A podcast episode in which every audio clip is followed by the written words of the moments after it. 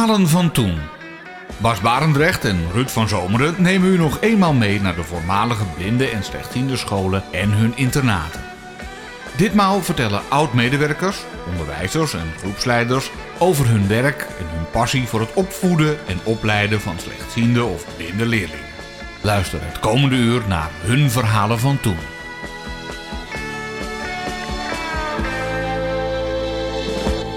In Verhalen van Toen van vandaag een dubbel portret van een tweetal bevlogen oud-medewerkers van het Koninklijk Blinde Instituut in Bussum, Ans Vrolijk en Willem Verschoor. We beginnen met Ans Vrolijk, die na haar huwelijk overigens Ans Boers ging heten. Maar veel oud-leerlingen van het Koninklijk Blinde Instituut zullen haar kennen als Juffrouw Vrolijk. Ans Vrolijk werkte van 1957 tot 1971 op het instituut. De eerste jaren als groepsleidster, daarna als maatschappelijk werkster. Mevrouw Vrolijk is inmiddels bijna 90 jaar en met name is haar geheugen helaas sterk achteruit gegaan. Afgelopen zomer zocht collega Bas Barendrecht haar op in haar woning in Woerden en nam een gesprek met haar op. Een aantal fragmenten daaruit laten we u horen. Gelukkig is er ook nog een artikel uit Perspectief, het blad van de Protestants-Christelijke Ouderenbond. Dat maakte eind 2013 een reportage over een bezoek dat mevrouw Vrolijk bracht aan het terrein van het voormalige Blindeninstituut in Bussum, thans in gebruik door Visio Onderwijs en het hoofdkantoor van Koninklijke Visio.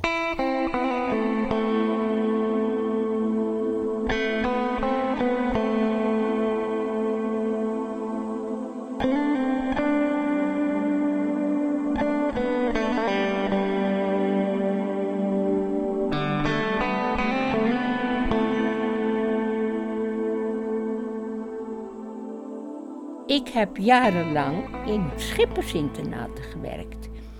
Maar ik wilde wel dat ik niet alleen bij die schipperskinderen werkte, maar ook bij meerdere anderen. En wat gebeurde? Ik eh, leerde iemand kennen die naar het Blindeninstituut ging. Nou, ik hoefde alleen maar een telefoontje te doen aan de heer Van Maurik. En Van Maurik die zei, nou, kom maar een keertje. Dus ik heb gewoon een gesprek gehad met Van Maurik. En eh, ik kon de volgende week kon ik beginnen. En eh, ik had twee collega's die bij de meisjesgroep waren. En eh, ja, nou ja, ik heb op een gegeven moment gezegd van... Ja, ho, wat, wat moeten we nou eigenlijk allemaal doen?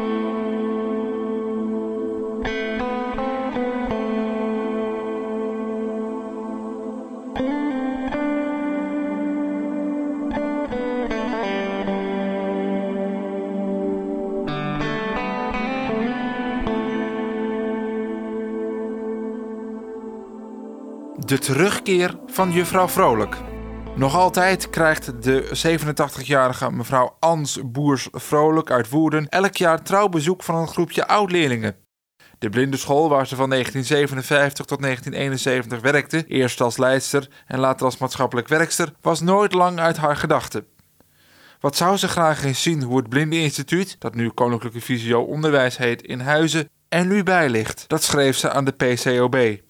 Een bijzondere rondleiding door een halve eeuw onderwijs voor blinde en slechtziende kinderen. We waren er dan bij het eten. En eh, dan, dan gingen we naar de koepel. In de koepel zaten jongens en meisjes door elkaar.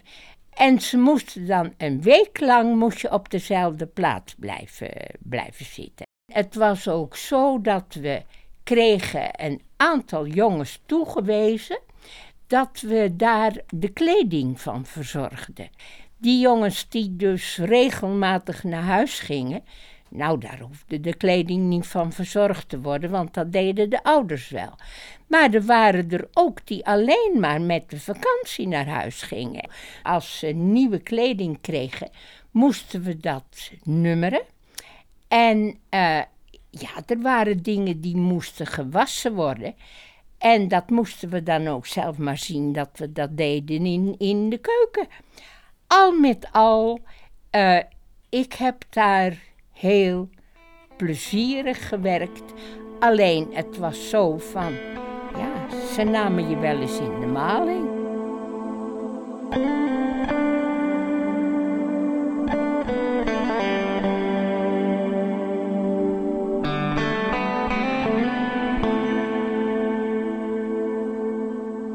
Mevrouw Boers kan haar ogen amper geloven. Dat er een nieuw gebouw stond, wist ze wel. Ze had het laatst al even bekeken. Toen ze op familiebezoek was, waren ze samen even achter Google Maps gekropen. Maar nu ze hier binnen staat, valt ze van de ene verbazing in de andere. Ik weet niet wat ik zie. De school is voorzien van de juiste aanpassingen voor leerlingen met een visuele beperking, vertelt adjunct-directeur Meerte van den Berg trots. Kleurstelling van de vloer is geel met zwart. Die kleuren hebben een sterk contrast. Kinderen die nog wel iets kunnen zien, kunnen het contrast onderscheiden. De vloer is bekleed met geel linoleum. En op elk kruispunt ligt een stuk zwarte vloerbedekking van zachter materiaal. Kinderen die het verschil niet zien, kunnen het voelen of horen. Dan weten ze: hier moet ik even opletten, want er kan iemand van de andere kant afkomen lopen. Overal is over nagedacht. Alles is aangepast. In die tijd werd daar niet aan gedacht. Er was geen lift. Je moest gewoon met de trap, ook de leerlingen. Wisselwerking. Eigenlijk is de oud-medewerkster hier om te horen hoe het tegenwoordig werkt. Maar andersom vindt Van den Berg het heel bijzonder om de verhalen van vroeger te horen. Er ontstaat een mooie wisselwerking. Gezellig keuvelend, de een op rode schoenen met hakken, de ander met een stok, lopen de twee vrouwen door de lange gangen. Vroeger woonden alle kinderen ook intern, vertelt mevrouw Boers. De kleuters zaten in wat we de huisjes noemden. Als ze de schoolleeftijd hadden, gingen ze naar het grote woonhuis. Nu wonen er nog maar 18 kinderen in de woningen op het terrein van de in totaal 70 die hier les krijgen. Mirte van den Berg zegt: We hebben een compleet verkeersreglement en dat moet ook wel. Ochtends en middags rijden hier 24 busjes af en aan. Dat was vroeger wel anders, verzucht Ans Boers. De kinderen moesten hier wel wonen. Ze kwamen van ver en wie had er in die tijd een auto? De huisjes waren daar en daar zaten dus de kleintjes. En, en wij als, als uh, leiding bij de ouderen, uh, ja, daar had je gewoon een heleboel uh, ook met, met de opvoeding te maken. er waren boeken die ik daar las, wat, ze, wat ze heerlijk vonden. Uh, en, en, en dan vroeg je ook, uh, wat, wat willen jullie nou? En dat hadden wij dan als leiding bij de meisjes. Kwamen de jongens bij ons, ook in de groepen. En dat, dat was heel fijn. Dat was voor de jongens was dat heel goed en ook voor de meisjes.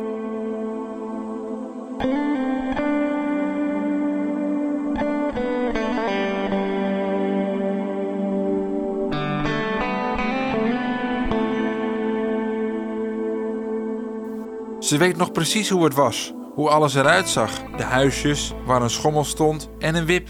De bibliotheek. De meisjes woonden beneden, de jongens boven. Dat was allemaal strikt gescheiden hoor. Alleen het eten gebeurde gezamenlijk. Ik weet nog dat ik een keer een paar jongens en meisjes naast elkaar zag lopen in de grote tuin. Mag dat wel, jongens? vroeg ik. U heeft het niet gezien, toch, juf? vroeg een van de jongens angstig. Mevrouw Boers, die toen nog haar meisjesnaam droeg en dus juffrouw Vrolijk heette, schatert. Ook de adjunct moet lachen. Nu is alles gemengd, vertelt zij. Alleen de kleedkamers bij de gym zijn gescheiden. Toen, toen ik dus leidster was, uh, was er een, een maatschappelijk werkster die de gezinnen bezocht. Dat heb ik later zelf ook gedaan. En uh, ja, dan bezocht je het gezin en ik heb dan altijd eerst gevraagd van, wilt u ook kennis komen maken op het instituut? Dat ze wisten en dan gingen ze altijd naar de huisjes toe.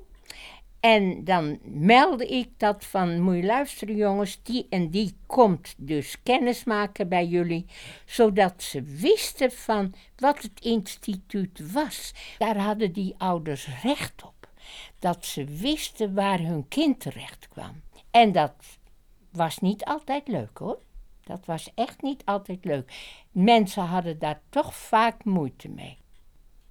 En ik heb daar ook verschillende keren een aanvaring met de maatschappelijk werker gehad hoor. Een kind werd gewoon, ja, je, je, je was blind, je kon niet naar school, dus je moest naar een instituut. En, en nou, wat ik altijd heel erg gevonden heb, die kinderen die maar één keer in, alleen maar in de vakantie naar huis konden. Want verder waren ze altijd op het stuut. En dat vond ik zo jammer. Maar die ouders die kwamen ook nooit, want het was een veel te grote reis.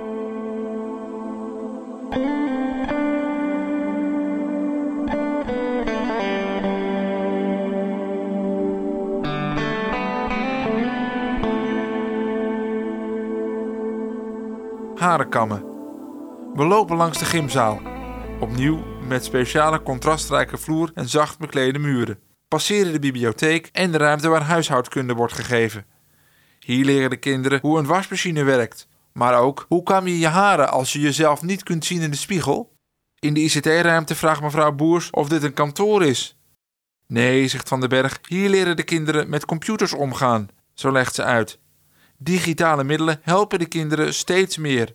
De technieken worden steeds geavanceerder. Hoe was dat in uw tijd? Waren er toen al computers? Wel nee, zegt mevrouw Boers. We waren aangewezen op braille. In het handvaardigheidslokaal vertelt de docenten trots dat zij al sinds 1979 op school werkt. Ze noemt namen van oud-collega's uit die tijd dat ze er begon. En verhip, mevrouw Boers kent ze. Ook oud-leerlingen passeren de revue. De huidige en vorige generatie. Ze stralen allebei van de onverwachte herkenning. Ik had het hier zo naar mijn zin, verzucht mevrouw Boers. Ik was hier heel graag blijven werken. Maar ja, ik trouwde en toen kreeg ik mijn ontslag. Dat was nou eenmaal zo in die tijd. Het heeft me wel altijd gespeten hoor. Ik vond het heel jammer dat ik afscheid moest nemen. Want ik, ik deed dat werk graag. En, en de ouders waren ook heel positief. Moet ik echt zeggen hoor, want dat was zo. Boven water. En dan het zwembad. Ja hoor, in haar tijd kregen de kinderen ook zwemles, vertelt mevrouw Boers. Maar toen gingen ze lopend naar het zwembad in Naarden. Dat de school nu een eigen zwembad heeft op het terrein, vindt ze geweldig. En ook hier mogen we even kijken. Met plastic slofjes over de schoenen schuifelen we achter gymleraar Wilbert aan. Ook hier zijn op- en afstapjes aangeduid met brede zwarte randen. Het zwembad wordt niet hellingsgewijs dieper, maar met een trap waarvan de treden zwarte randen hebben.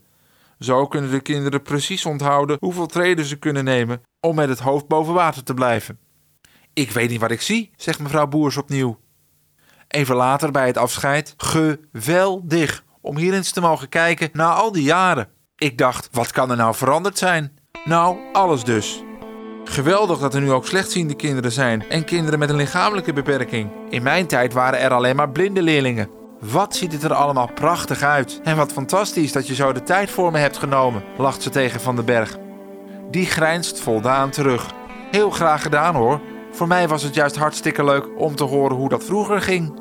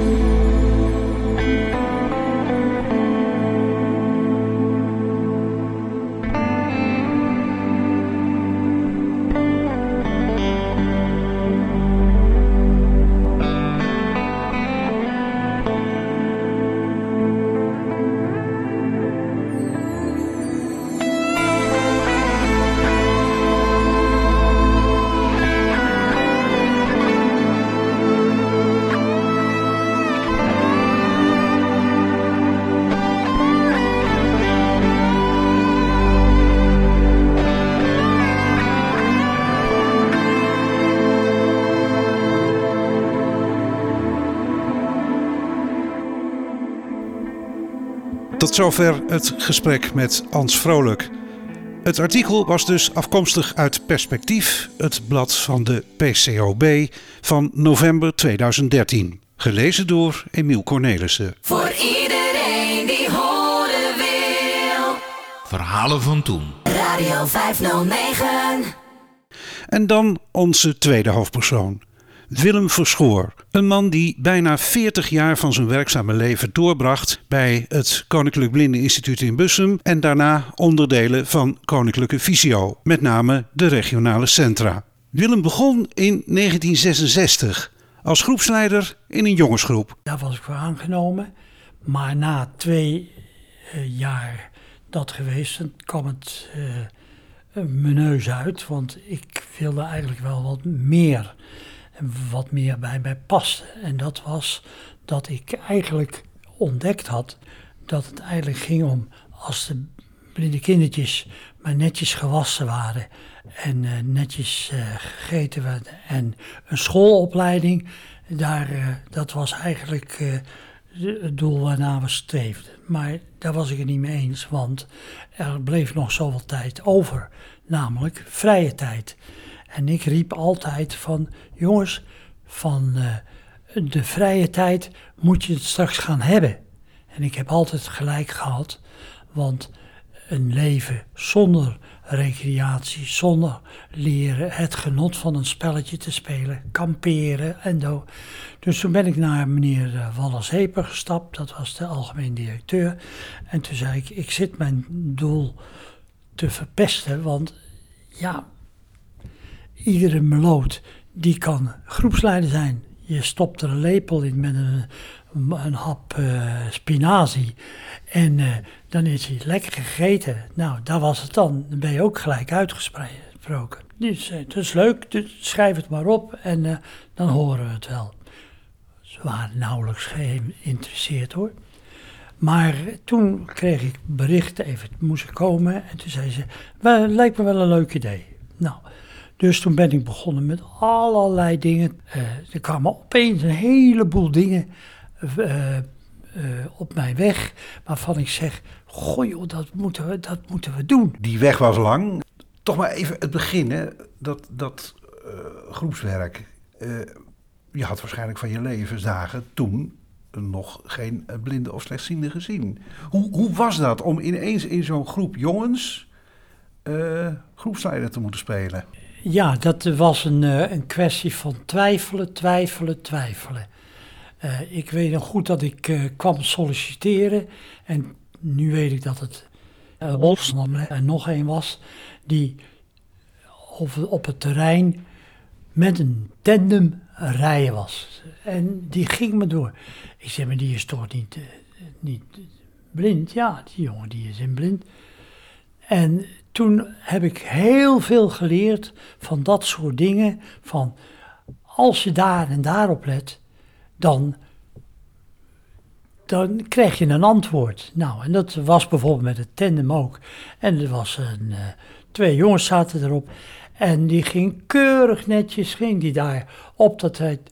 En door die gebouwen door merkte ik van, ja maar eigenlijk is dat logisch, want er komt daarvan een flinke wind vandaan. Daar staan geen gebouwen, dus die denkt met...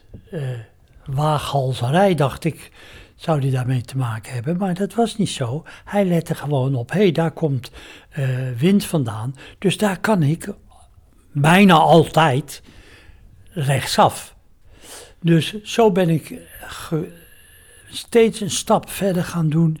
En zo, ik kreeg steeds meer uh, eigenlijk het idee van als mij dat één keer uitgelegd is, hoef ik me daar ook niet meer druk over te maken.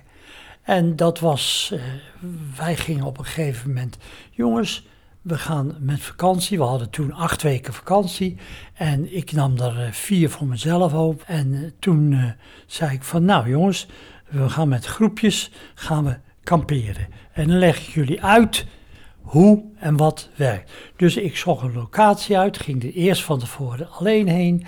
En ik zei, dat plaatsje, dat wil ik hebben voor twee bungalowtenten. Nou, en reserveerde dat. En dan spande ik een touw van de eerste tent naar het toilet. Want daar zijn die zeikers het meest van los. Dat gaat heel goed. En uh, dus hoefde het maar te volgen. En na twee dagen hadden ze dat in de gaten, kon touw weg. En iedereen die kon rustig als hij zelf, meneer, kunt u even mee, ik moet piezen. Dat was niet nodig.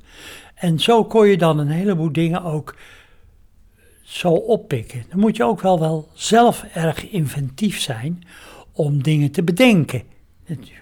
En zo eh, heb ik die vraag me altijd gesteld van... hé, hey, hoe zou je het kunnen? Hoe zou je het niet kunnen? En je was nooit bang, bijvoorbeeld tijdens dat kamperen, eh, dat er iets uit de hand zou lopen eh, dat je niet zou kunnen herstellen. Ehm, eh, ja, daar hield ik altijd wel rekening mee, uiteraard. uiteraard. En het is mij ook wel eens een keer overkomen hoor, dat ik, dat ik eh, te makkelijk, nou niet te makkelijk, maar gewoon dat, dit kunnen ze, dus kunnen ze dat ook. En eh, dat betekent gewoon, eh, ja, nou, bijvoorbeeld over die scheringen, heet scheerlijnen hè, van die tenten, hoe vaak daar niet even, als ze het touw hadden losgelaten, dan donderden ze over die, ja, daar kan ik echt verder niks aan doen, want die dingen zitten, dan dondert het hele zooi naar beneden. Hè, dus je moest gewoon elke keer wel jouw optiek van dat kan wel of dat kan niet, moest je testen aan jezelf. Hé, hey, hoe zit dat? Ik probeerde ook heel vaak privé dingen ook gewoon geblinddoekt. Eh, ik ben één keer bijvoorbeeld met mijn, van Blindenaf, eh, instituut af, ben ik eh, naar Amsterdam geweest. En toen ik het station had, toen heb ik dat ding omgedaan, omgedaan en ben een heel eind Amsterdam ingegaan met verschrikkelijk veel zweet in mijn handen. En ik weet, ik weet nog goed dat ik, eh, ze waren aan, aan het eh, verbouwen in het, eh, en ik denk, Gert, dit, dit, dit, dit gaat omhoog, deze, deze, deze weg. Hoe kan het nou? Dus ik heel voorzichtig met die stok gepikt. En ik voelde de ogen van de, van de reizigers in mijn, in mijn nek. Want er wordt, wordt naar me gekeken. En opeens hoor ik, stop, meneer, u staat bovenop een container. Want de, grote plan, planken, die stonden daar op. En als u iets verder was gegaan, dan was u waar de, de kruiwagen leeggestort wordt. U was in die den gedonderd. Ik zeg, oh, dat is niet zo best, hè. maar goed, dat soort dingen, die, die, die eh, probeer je. Maar als je ze niet probeert, dan weet je het niet.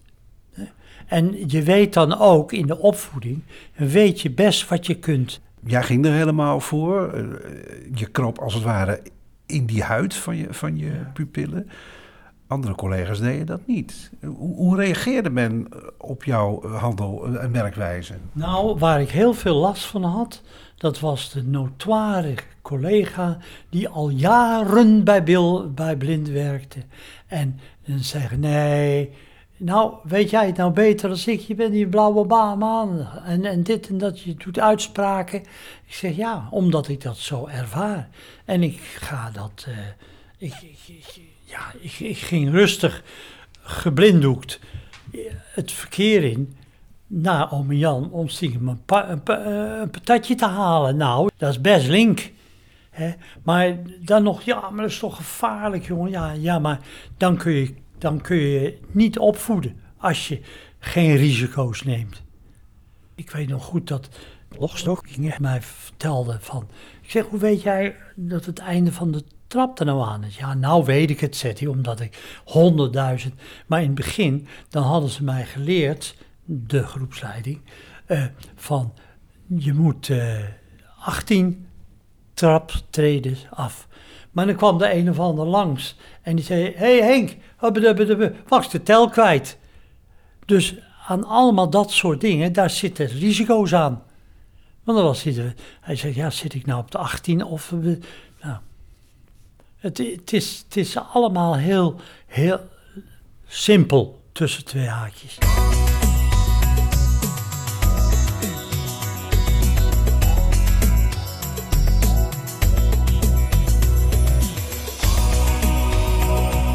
Maar uiteindelijk vond je er toch geen bevrediging in. Nee, Dat eh, meen ik echt. Ik, was helemaal zat en uh, geklooien. En dat, ik, ik, was, ik ben sowieso niet zo'n groepsmens. En ik heb er altijd veel plezier van. Er was altijd gezelligheid. Ik weet nog, in het jongenshuis daarboven had ik mijn kamer. En eh, ik las veel, veel jongetjes voor hoor. En ik wilde zoveel mogelijk dingen aan ze leren.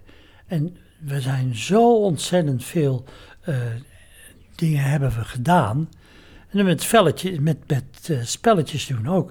Dan zeg ik, jongens, het kan mij niks schelen. Maar je bent, ik bedoel daarmee, je bent gewoon eh, straks waarschijnlijk bij je, kom je in een situatie dat je veel vrije tijd hebt. Of je hebt geen werk, of je hebt maar gedeeltelijk werk.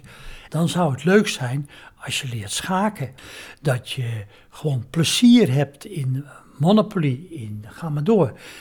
Want dan heb je toch een behoorlijke leuke invulling van je dingen. En het gekke is, als ik een paar jaar geleden was een, een, eh, een reunie in eh, het Blindeninstituut. En daar zei, eh, zei een van de mensen bij me: Ik heb zoveel plezier gehad aan wat jij altijd spelen noemde. Gewoon dat ik een moment heb dat het voor mij heel zinvol is in mijn leven. Nou, dat, dat, ik zei, dat was precies de bedoeling. Maar het gewoon, eh, eh, het spel op zich, dat je daar plezier van kan leven. Want ik zeg altijd van spelen moet, maar niet alleen, het liefst samen. Wij waren ook de eerste spelotheek in Nederland. Ik heb toen ook de, de Stichting Spelotheek Nederland opgezet. Bestaat nu nog steeds. Alleen de ene grote na de andere. Het heeft bij ons een hele tijd stilgelegen. Omdat de waarde werd niet volledig goed gekend. Er waren meer dingen bij. En het beleid zei, nee, daar moet, dat is veel te duur. Toen was ik vrijgesteld. Van Maurik was toen directeur. Die zei, zet die spelotheek maar op. En dan gaan we lenen. En daaraan, ook voor de school, kregen één halve dag in de week. De ene klas die en de andere dat die. Kregen dan overspel. Maar dat moest natuurlijk wel voor blinde en zeer slechtziende kinderen geschikt speelgoed zijn. Hoe kwam je daaraan? Ik heb toen altijd een ruim budget gekregen om spellen te komen. Ik ging, elk jaar ging ik twee dagen naar Nuremberg, naar de Spielwarenmessen. En eh, ik nam zelf eh, dummies mee van spelletjes die ik gemaakt had. En eh, daar ben ik enorm geen cent van wijs genomen. En de, de, week daarop, of het jaar erop, kwam ik daar weer. En dan lagen ze geproduceerd door de dieven, door de spelers. Die waren al klaar, stonden al in de catalogus. Ik heb nooit een cent daarvoor ont- ontvangen. Dus er zijn nu nog, ik spellen die ik gemaakt heb, en, maar die gewoon over, gekopieerd zijn en zakelijk gedaan, daar had ik geld mee kunnen verdienen. Ik, ik keek de neus en de oren van een blinde, zeg ik altijd.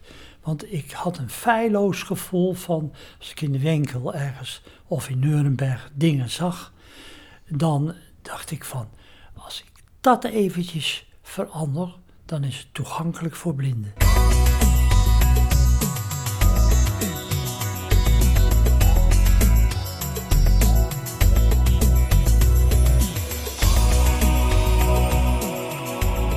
In het kader van het streven naar integratie werd eind jaren 60 op het Blindeninstituut een heuse bietkelder gebouwd door leden van het Jeugdrode Kruis. Die bietkelder was het geesteskind van Willem Verschoor. Ik vond het zo leuk om, eh, om, een, een, ja, om een plek te vinden waarin ze lekker hard konden muziek draaien. Waar ze, eh, waar ze ook eh, van alles en nog wat werd daar gedaan.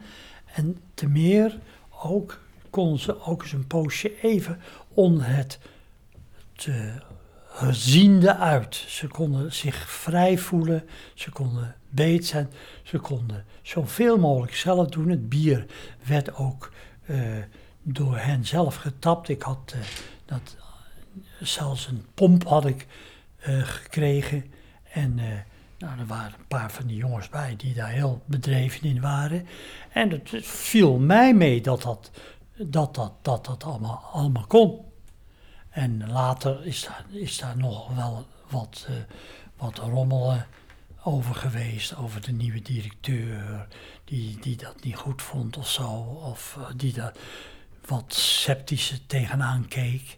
Maar goed, eh, nou, dat was hartstikke leuk, want dat was echt een plek van hunzelf.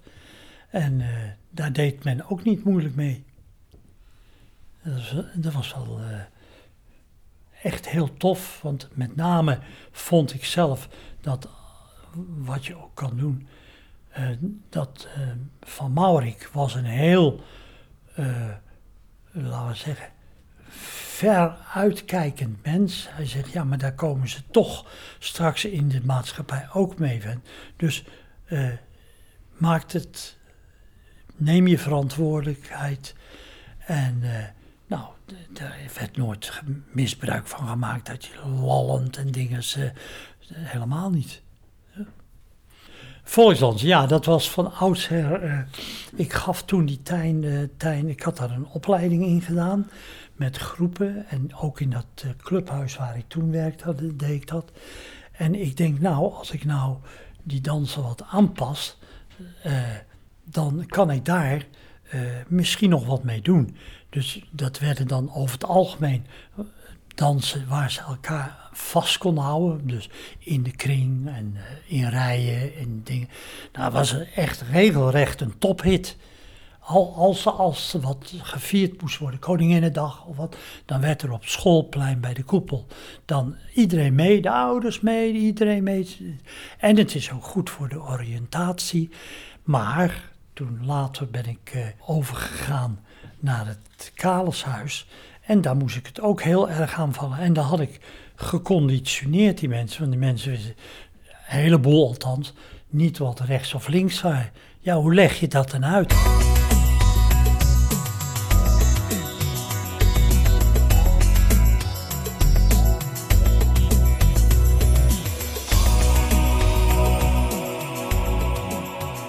Op een gegeven moment verandert er heel veel. Eh, Er komt in een soort stroomversnelling. hè, Die hele eh, hulpverlening, eh, die eh, landelijke instituten worden als het ware ontmanteld. Het gaat allemaal de regio in. Je bent toen meegegaan in die ontwikkeling. eh, maar had je niet iets van, nou dit is misschien een goed moment om iets anders te gaan doen? Nee, want ik, ben, ik, ik was erg verknocht aan, het, eh, aan, eh, aan de doelgroep blinden. En eh, daar kwam, ook bij dat ik eh, heb er eh, 37 jaar gewerkt. Dus dat is echt heel lang.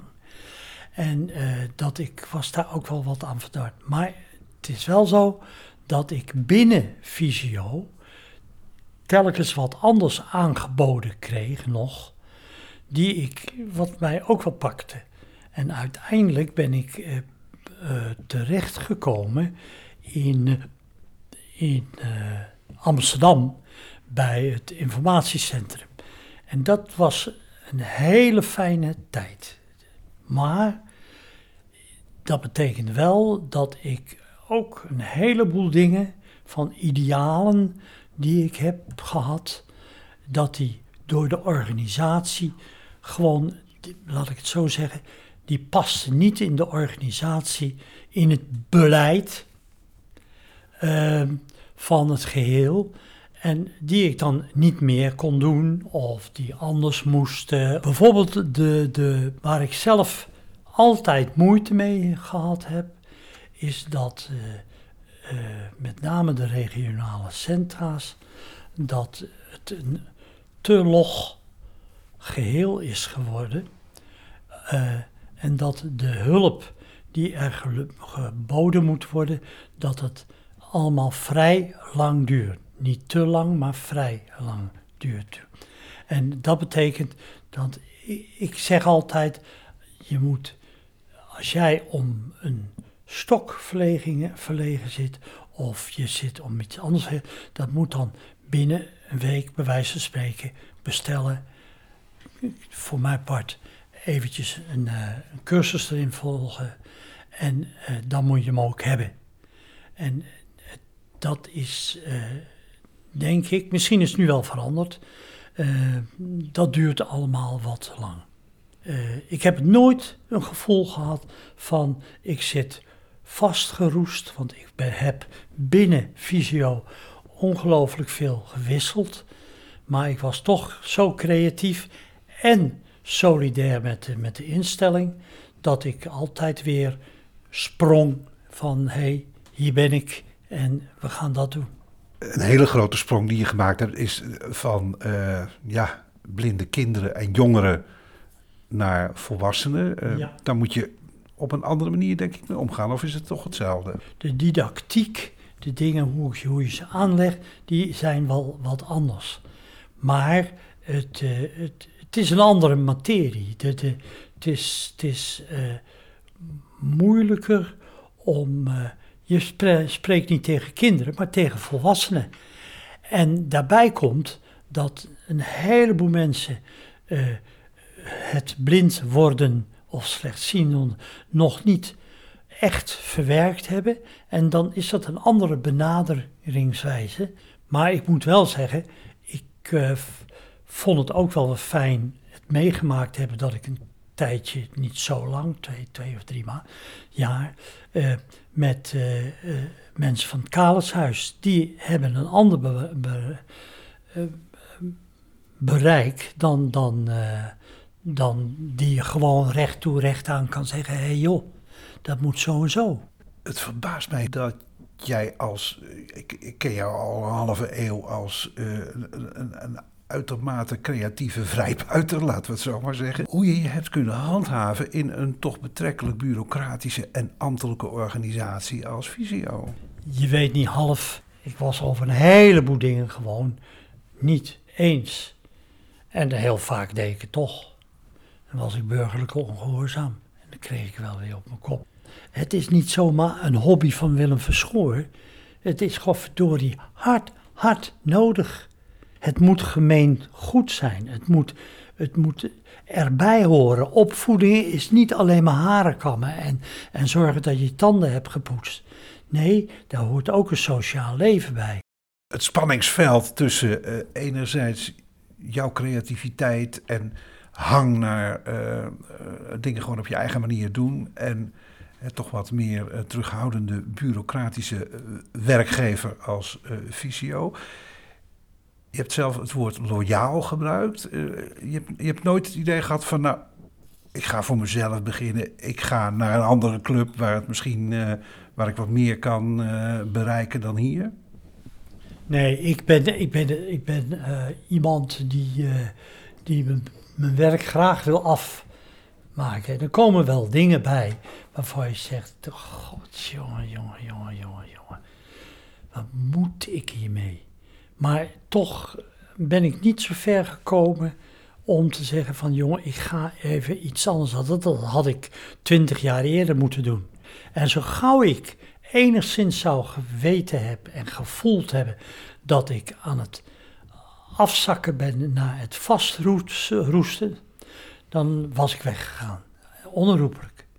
En, maar doordat ik in allerlei facetten van het werk ben ingezeten, ja, ik heb nog een jaar lang, omdat ik het leuk vond, heb ik eh, op maandagmorgen eh, om vijf uur opgestaan en met de, de trein naar, naar Groningen toe. Want daar moest dan opgezet worden een eh, afdeling, zoals wij dat, eh, revalidatie. Dus een jaar lang heb ik dat opgezet, eh, omdat ik het leuk vond. Ik heb een beetje alles aangepakt wat ik, wat ik leuker vond. hè. Altijd voldoende uitdaging. Ja, ja, ja. Want eh, dat is met de school zo, ging ik altijd met de werkweken mee. Want ik zorgde voor het recreatief gedeelte. Eh, heb ik altijd gedaan, omdat ik dat leuk vond.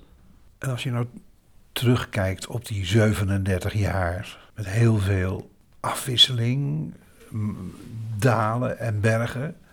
Eh, hoe, hoe kijk je in zijn algemeenheid op die periode terug? Over het algemeen tot, eh, tot 35, 35 jaar dat ik daar geweest ben, heb ik het het meest naar mijn zin gehad. Vooral de eerste 12,5 jaar op het Blindeninstituut, eh, dat heeft mij zo ge- gepakt dat ik zeg van nou, dat, dat zit zoveel verschil en zoveel eh, spanning in, positieve spanning, van altijd weer leuk.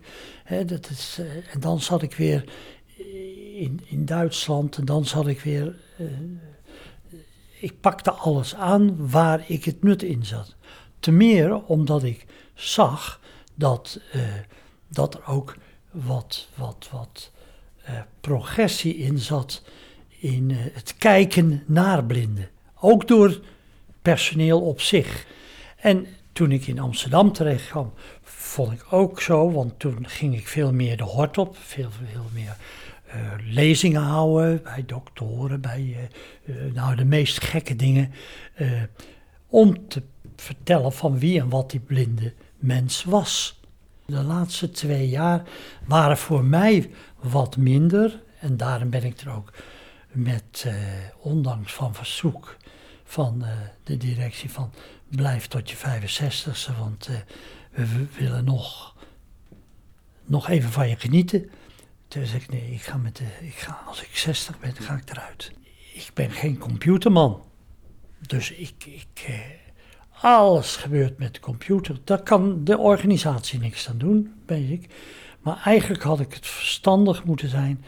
Maar dat kon weer niet, want de, de, je moest te veel inleveren. Ik had er met 57 wel uitgewild. Dus toen was ik blij dat ik eh, weg kon. Maar niet met wrok, helemaal niet. Een jaar of tien geleden eh, stopte het dus. Ja. In een gat gevallen. Nee. Ik had eh, mij goed ingedekt, achteraf. Toen ik nog werkte, toen had ik eh, 32 nevenfuncties. Dus bij die in het bestuur en bij die, niet alleen bij Blindenhoor slecht. Toen eh, ben ik, heb ik dat dus opgeschreven, hoeveel. En denk, is te gek, te gek. Ik moet zien dat ik daarvan afkom als ik eh, met FUT ga. Nou, dat heb ik gedaan. Toen ik met FUT ging, toen had ik eh, eh, niks over. Toen ben ik ermee gestopt. En toen heb ik ook gelijk besloten om, eh, ook mede door mijn vrouw, die zei: Willem, je bent besodemieterd, je bent gek. Dan ga je naar Friesland een lezing houden en dan krijg je een boekenbon van 10 euro. Dat, dat is gewoon. ik wil gewoon niet meer dat je dat doet. Gewoon, een gewoon een gaasje vragen. Ze had gelijk. En sinds die tijd ben ik eh, alleen maar voorzitter en oprichter van het uh, Shantykoor. Hier in Bussum, 60, 65 man eh, lid. En daar heb ik het hartstikke druk mee.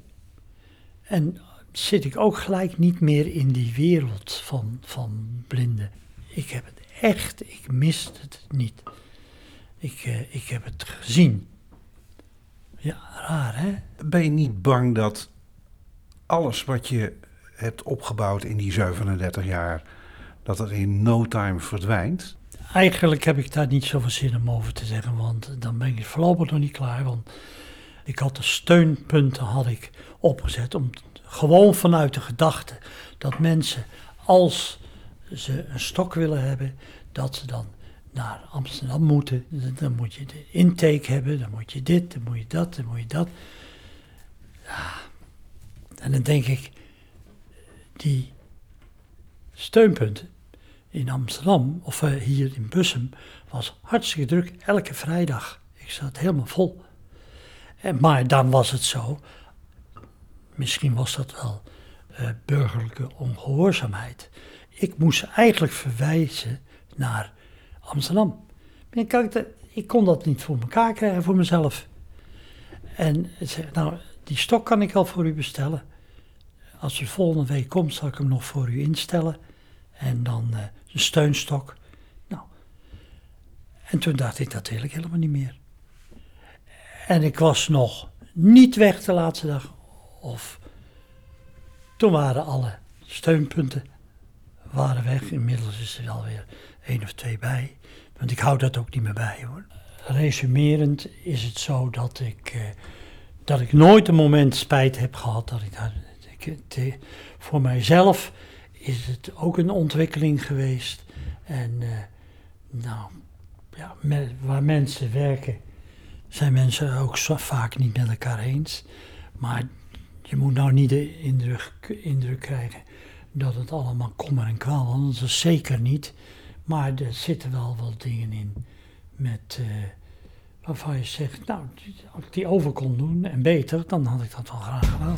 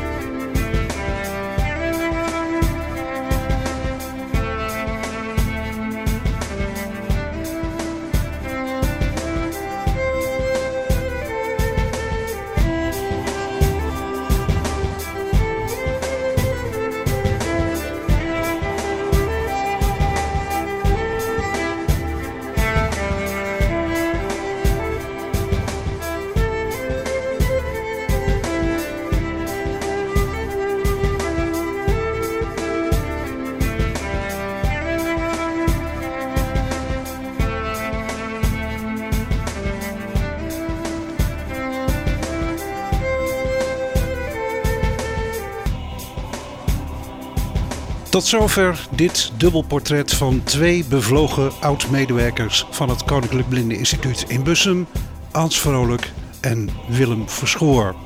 En tot zover de aflevering van Verhalen van Toen voor deze zondag. Een fijne dag verder en tot volgende week. Dag.